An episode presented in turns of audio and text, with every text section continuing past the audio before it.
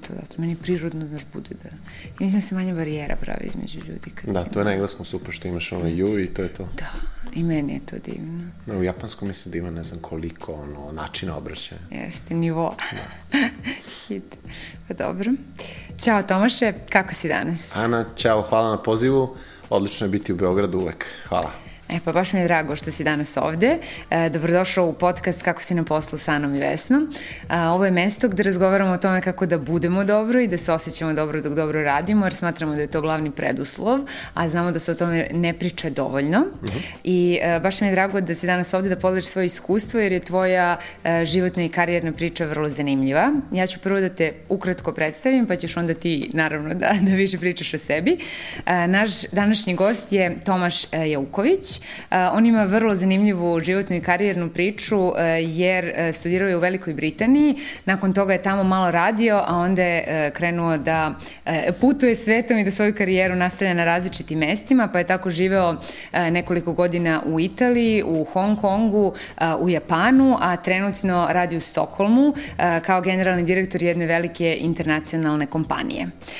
Sa njim danas pričamo o tome koliko je teško prilagoditi se različitim kulturama, i šta to sve uh, iziskuje i traži od čoveka i kako je on uspeo da održi svoje uh, mentalno i fizičko zdravlje na poslu, na visokim pozicijama, u različitim kulturama i u uh, drugoj zemlji, a i šta je radio kada je prolazio kroz te teške faze i kroz fazu burnouta o kojoj će i on sam da, da govori više.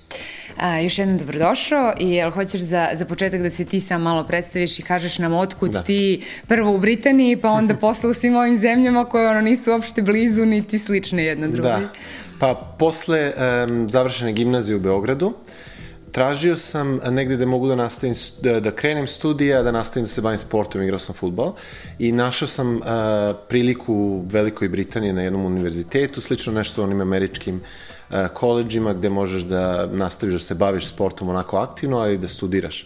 I posle završenog mastersa u um, Engleskoj, zaposlio sam se u jednoj globalnoj britanskoj firmi, um, na nekim najnižem nivou, da kažemo, i uvek me strašno zanimalo radi internacionalno, kako bi to izgledalo, baš me ovako privlačio. Tako da sam posle jedno prvih dve godine rada um, došao u neki talent njegov, njihov international program. Uh, dosta testiranja, primaju, ne znam, 6-7 ljudi globalno i onda smo krenuli znači, u, taj, u tu neku karijeru internacionalnu koja me je posle engleske eto, vodila u Rim, pa Hong Kong, Tokio i sada Stockholm. Znači šesti grad za mene. Zanimljivo. Ti si već bio u inostranstvu i želao si da se uključiš u neki internacionalni da. program, da, da vidiš još malo. A si samo ti birao sve te zemlje ili su te oni slali, rekao su sad ideš u Italiju, sad ideš tamo ili ti možeš da utičeš na to gde ideš? A, a, znači, pr prvenstveno se gleda na razvoj, na tvoj razvoj. Mm -hmm. Znači, ideš tamo gde te pošalju, ako a, ta pozicija i ta zemlja ima smisla za tvoj razvoj. Mm -hmm. Naravno, ti uvek možeš da kažeš ne, iz privatnih razloga, ali na to da kažemo ne gleda se dobro, jer ti si izabrao, ti si, hoćeš da kreneš tim putem, znači naravno da je lepše biti, ne znam, u Los Angelesu negde, nego u Zimbabveu možda, mm -hmm. ovaj, ali nema baš toliko biranja. Ja sam, da kažem, imao sreću. Mm -hmm. a, ja se sećam da u jednom trenutku da je bilo u pitanju neka fabrika naša u Poljskoj. Mm -hmm. a, I onda to na kraju se nije ispalo kako treba i onda je sledeća opcija bio Rim.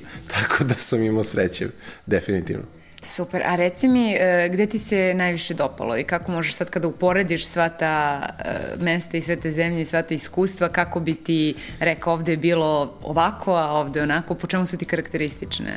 Um, pa imao, imao sam sreće i da vidim nešto što mi se ne sviđa. Naprimjer, Hong Kongu mm -hmm. mi se uopšte nije prio, nije mi se uopšte sviđa. Ali definitivno Tokio i Rim su mi ostali u nezaboravnom sećaju. Stvarno, a, baš predivni Rim, a, zato što je dosta blizak nama, da kažemo, i kulturi i po načinu obhođenja. A, Tokio je bilo jedno neverovatno um, radno iskustvo, ali stvarno i, i, i ta kultura i uh, nacija i sam Tokio su predivni. Mm -hmm. Jel možeš da nam e, izvučeš, na primjer, za svaku od tih zemalja e, neku od stvari koje misliš da su jako dobre i koje mm -hmm. si onako zapamtio i rekao kao ovo je nešto što je bilo super da se, ne znam, ponese sa sobom bilo gde da idem dalje ili da vratim nazad mm -hmm. u Srbiju i da prenesem ljudima? Mm -hmm. um, sa poslovnog ili ovako kulturološkog? I jedno i drugo. Mislim, hoću da. i da nam ispričaš nešto o tim kulturnim, kulturnom šoku mm -hmm. za, za zemlju, ali hoću prvo da imamo šta je ovo što ti je najpozitivnije što si izvukao. Pa mor, moram stvarno da krenem iz Srbije, jer ja uvek se vraćam na taj, um, što u Englezi zovu drive, znači mm -hmm. nešto što ti podsjeće da ideš nazad. Mislim da to nešto što mi imamo u našoj kulturi, u nama, u našem DNA-u i, i mislim da se po tome ljudi naši dosta razlikuju od, od, od ostatka sveta. To se vidi se naročito u Engleskoj, obhođenje prema radu, želja za napretkom. Znači, to definitivno nosim iz Srbije um, za, za ceo život. Um, u Engleskoj, uh, što se tiče posla, rekao bi da imaju fantastičnu kulturu tog feedbacka. Znači, povratne informacije. I to su me baš uh, na početku karijere naučili. Imali smo jako puno treninga o tome. Um, kako da prihvataš feedback, kako da radiš na tome smisleno uh, i kako da se prosto poboljšaš. Um, I imali smo trening kako da dajemo ljudima feedback, znači uh, neko ko radi za tebe, kako da im pomognemo, kako da budemo konstruktivni. To mi je baš onako ostalo za celu karijeru ovaj, i, i to stvarno do, zna da pomaže. Uh, u Italiji, sa poslovne strane, ne znam koliko sam ajde pouka izvukao, jer oni ovaj, um, da, nemaju, nemaju, imaju različiti jedan poslovni svet, ali rekao bi da taj njihov afinitet za a, građenje nekom premium branda, što, sam, što je meni bio posao dok sam bio tamo, to mi je onako baš ostalo, ovaj, dosta sam naučio oko tome, oko potrošača, kako prići nekom premium brandingu. Mm -hmm. um, Hong Kong, a, tu su mi pouke više vezane za mene, zato što mi je pre odlaska u Hong Kong imao sam neki osjećaj u stomaku, neki predosećaj koji nisam slušao, otišao sam, uh, ta epizoda se relativno brzo završila, uh, na moju sreću, ali sam barem naučio da slušam moj instinkt mnogo bolje. Um, a Tokio je stvarno bio ovaj, zanimljiv sa svih aspekta. Kulturološki, jedna stvar koja mi se baš mnogo sviđa je to kako se odnose prema drugim ljudima, svojoj okolini i prirodi, koliko oni to čuvaju i poštuju. E, naprimer, u Tokiju, kad god sam imao goste, porodicu ili prijatelje, uvek su me posle dva dana ljudi pitali pa nemam da bacim na ulici ovaj, ovo što, nemam nigde da bacim, gde su kante za džubre? Nemaju, svi čuvaju svoje da se ulice ne bi prljale. Znači, taj odnos prema drugima je neverovatan i to baš me fasciniralo.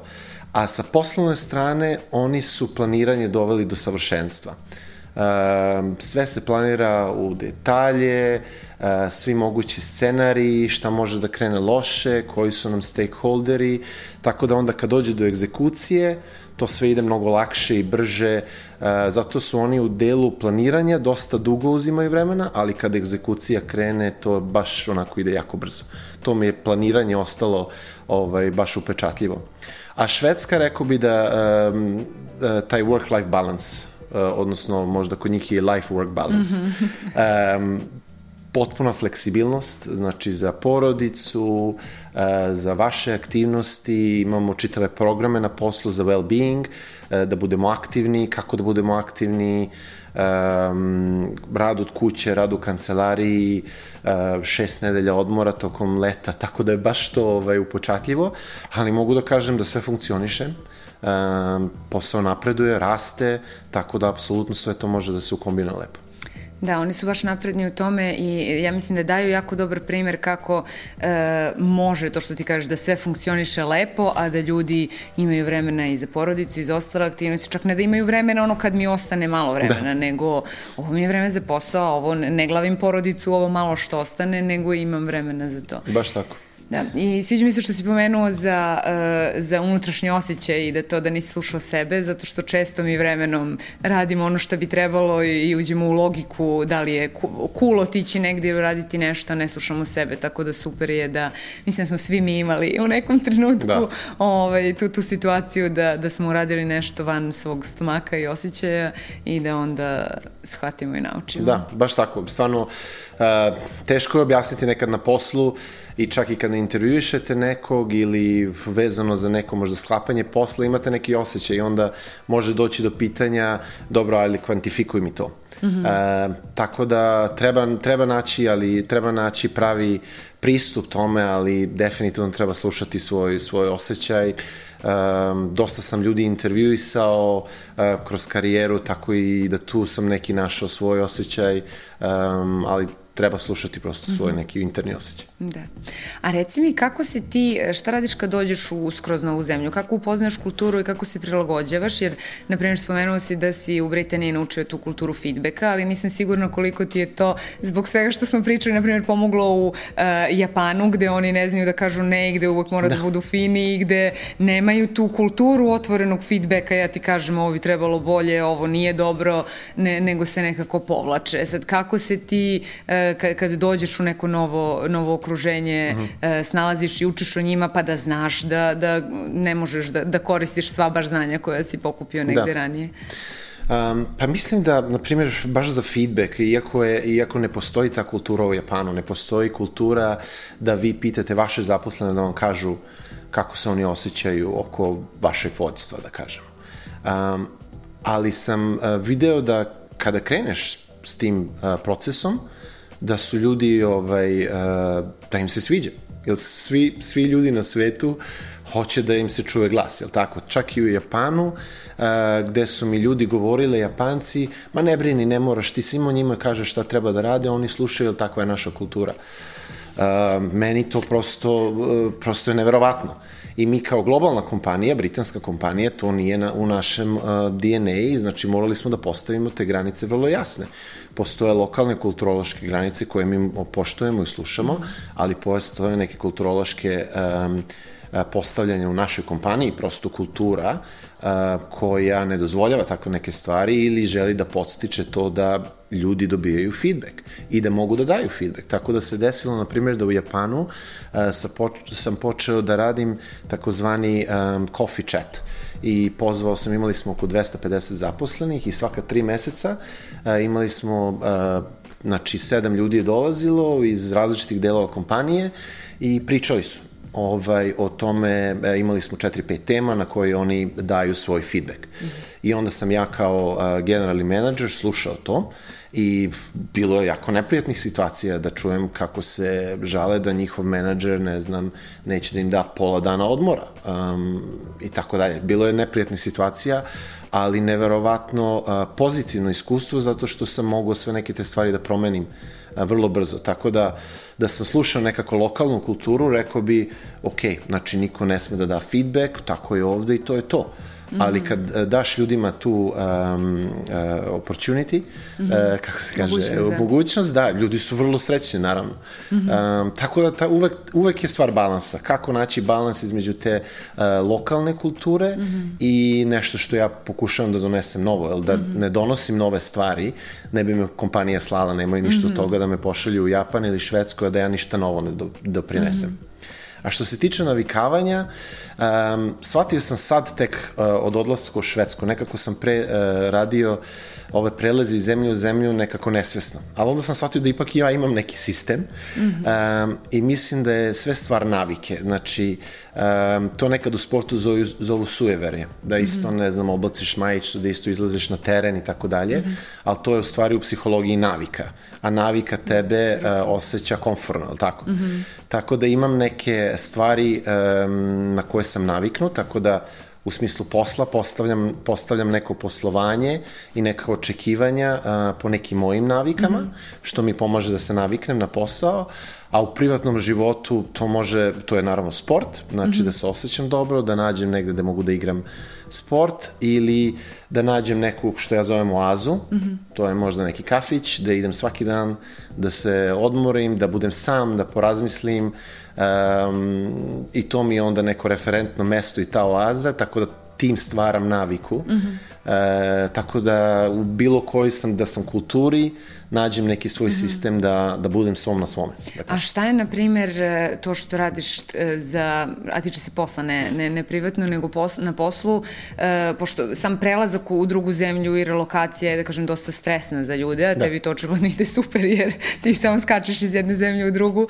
A, šta, šta su, na primer, neki od tvojih tih, da kažem, rituala što, koje uspostaviš da brže upoznaš kulturu, zaposlene ljude da. i da možeš da se brže a, pozicioniraš na tom poslu kako bi da. trebalo? Na poslu, uh, na primjer, volim da ponedeljkom imam uh, team meeting. Znači, ponedeljkom, ponedeljkom ujutru mi sednemo svi zajedno sa, sa direktorima i prođemo kroz stanje stvari na poslu i dogovorimo se šta treba da se, uh, na šta treba da se fokusiramo. Uh, znači, to je čim sam sad došao u Švedsku, sam postavio taj sistem.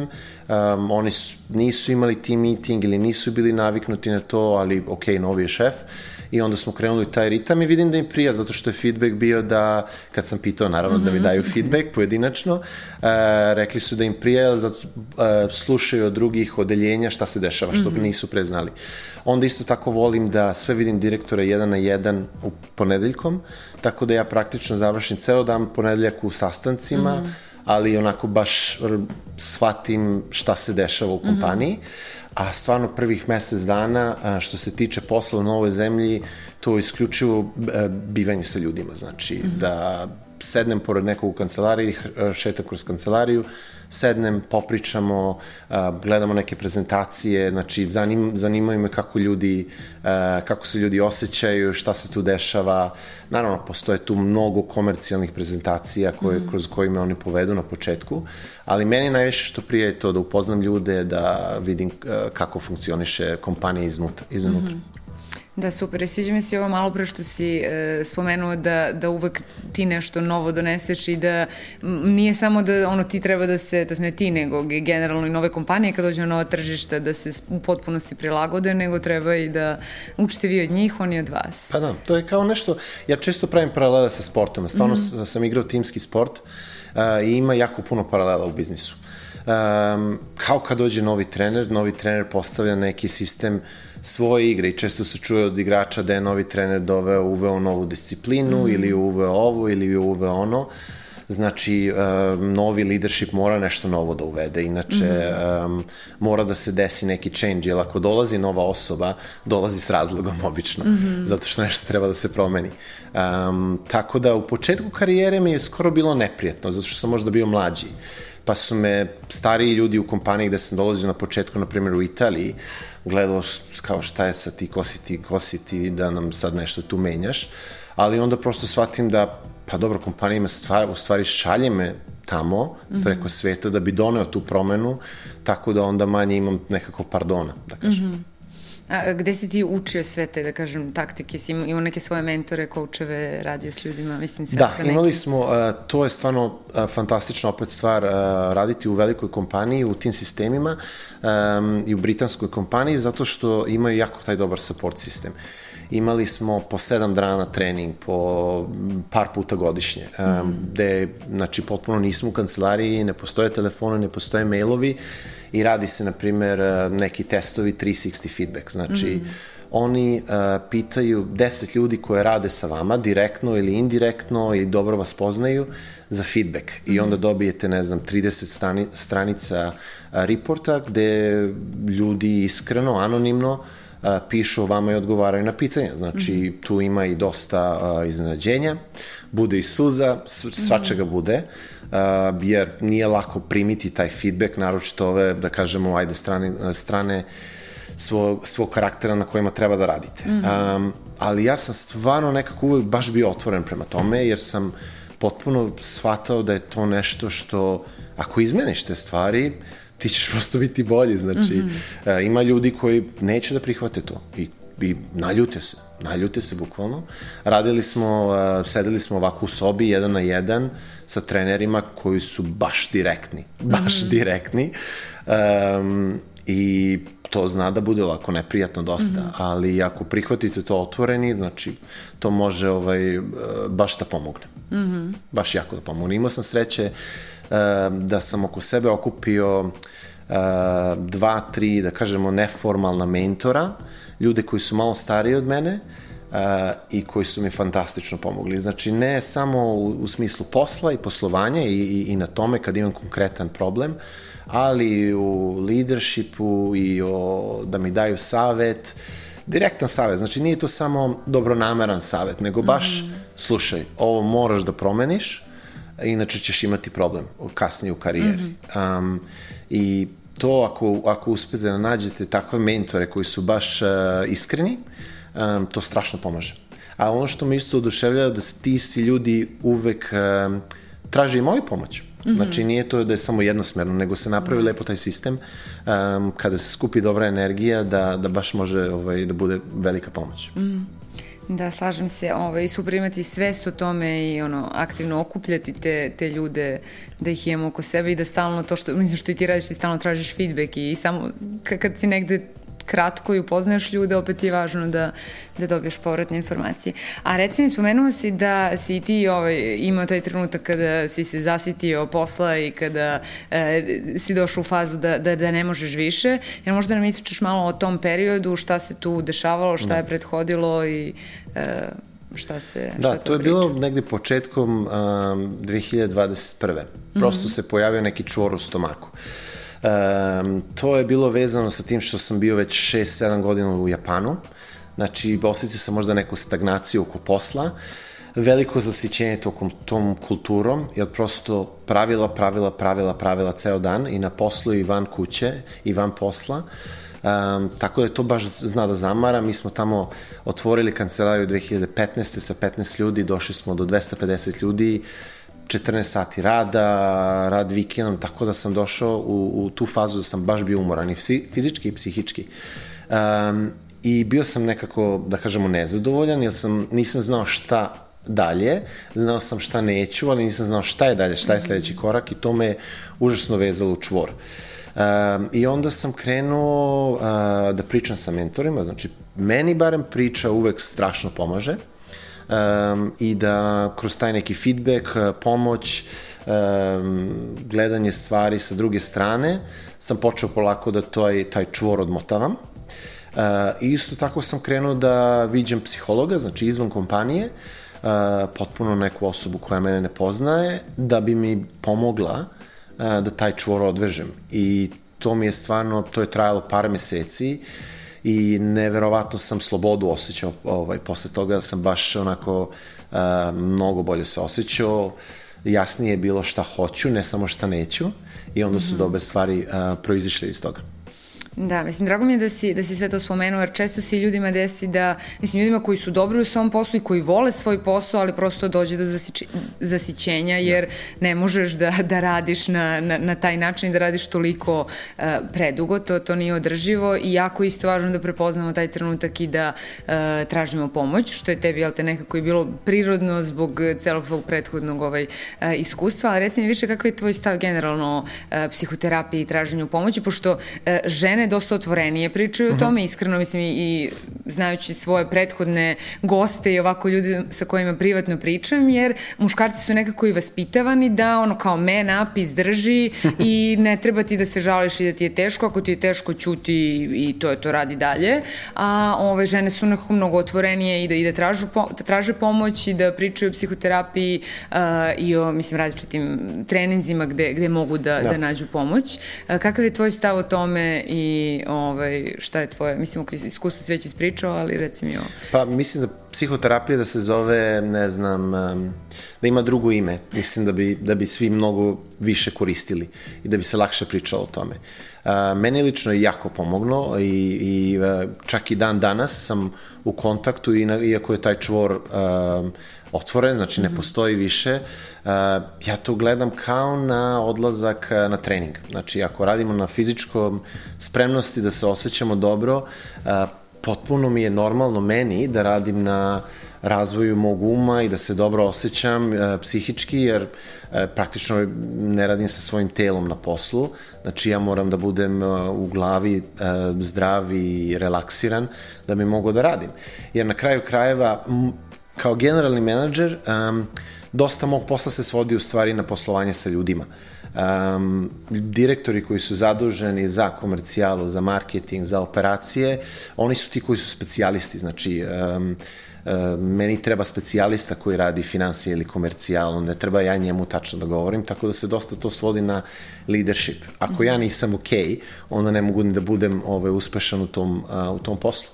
Um, tako da sam jako otvoreno po pitanju uh, psihoterapije, um, baš, baš vidim veliku, veliku pomoć u tome. Uh, znam da, na primjer, sad svaki sportski tim ima um, uh, psychologist mm -hmm. uh, i baš su mi neki futboleri u Švedskoj profesionalni rekli da idu svakog meseca da im pomaže mm -hmm. za različite stvari i baš su otvoreni prema tome da su i bolji roditelji, i bolji muževi, i bolji futbaleri na kraju krajeva, Um, tako da mislim da to sve više i više uzima maha. Mm -hmm. uh, moja kompanija, imam, sam, imam opet sreće da um, oni kroz taj neki health benefit uh, pokrivaju, na primjer, mnogo više za psihoterapiju nego za fizioterapiju. Um, tako da očigledno daju veoma značaja tome. Da, meni, meni je drago da se taj trend menja, naravno u svetu malo brže nego kod nas, zato mi ovde i pričamo dosta o tim temama, jer to, mislim, doprinosi činjenici da ti stvarno moraš da budeš dobro, da bi mogo da dobro radiš svoj posao i da bi mogo i da pomažeš drugim ljudima, moraš prvo da, e, da pomogneš sebi. Tako da. da baš mi je drago što si, što si podelio sve to, pogotovo mi se sviđa ovo viđenje da, s obzirom da radimo sa glavom i da mi glavom pravimo rezultate, mislim, treba da nekako vodimo računa o, o svojoj glavi. A, e, reci mi za kraj, pošto e, nam se bliži bliži ovaj, kraj, kraj emisije. Na osnovu tvog iskustva, koji je uh, recept za uh, napredovanje i uživanje u poslu u različitim kulturama? Uh, neki, na primjer, 3 do 5 tvojih, da kažem, saveta koji bi dao ljudima koji su eto, u poziciji da mogu da, da idu u druge kulture i menjaju poslove i da napreduju i da budu dobro pritom dok, uh, -huh. dok rade svoj posao. Um, pa rekao bi broj jedan, znači nikad ne biti u komfort zoni. Meni je to kad si, u momentu kad si u komfort zoni, za mene, znači, treba da gledaš na nešto drugo. Uh, jer tu se stvara napredak, ne u, u komfort zoni. Znači, tu se stvara tvoj uh, neki personalni growth, uh, rast, um, kad nisi u komfort zoni. Imao sam opet sreću da sam u kompaniji koja mi je davala pozicije koje su definitivno možda bile godinu, godinu i pa dana ispred mojih tadašnjih mogućnosti. Ali me je to, znači, strašno pomoglo da stalno, da stalno napredujem. Znači, ta, ne biti u toj comfort zoni. Um, biti je 100% autentičan. Mislim da je uh, vreme uh, lidera koji imaju neke matrice i čitaju management knjige prošlo da se svrstavaju ili u ovu vrstu lidera ili u onu vrstu lidera, mislim da je to prošlost. Uh, ljudi, koliko vidim, mnogo bolje reaguju na to da ste autentični. Ako sam tužan, ja sam ljudi tužan danas zbog ovoga, zato što imam problem taj.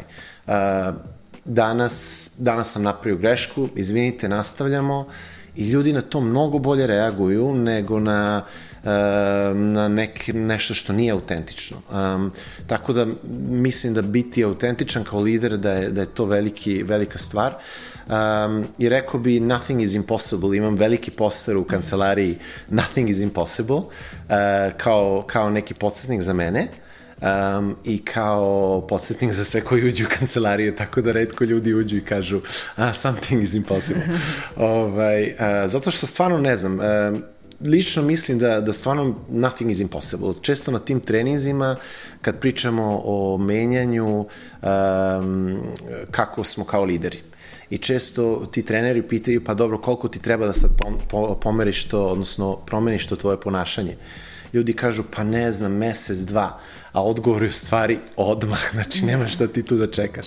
Tako da za mene nothing is impossible, eto, to, to su neke tri stvari. Pa lepo, hvala ti. Hvala. Uh, hvala ti mnogo što si bio moj današnji gost i što si podelio svoje uh, bogato iskustvo i šarenoliko. Uh, mislim da je sve bilo veoma korisno i da će koristiti našim gledalcima i slušateljima. Hvala tebi, Ana, hvala. A, hvala i vama što nas gledate i slušate. Vidimo se za nedlju dana na istom mestu. Do tada budite nam dobro. Nisam pratila sva pitanja, ali mislim da smo sve ispričali. Da, ne ušte predstavu koliko smo pričali. Da li 5 ili 25 minuta? 32, Stvarno? ja bih rekla. Ja Dobro, ja sam se malo raspričao par navrata. Ne, ne, okej. Okay.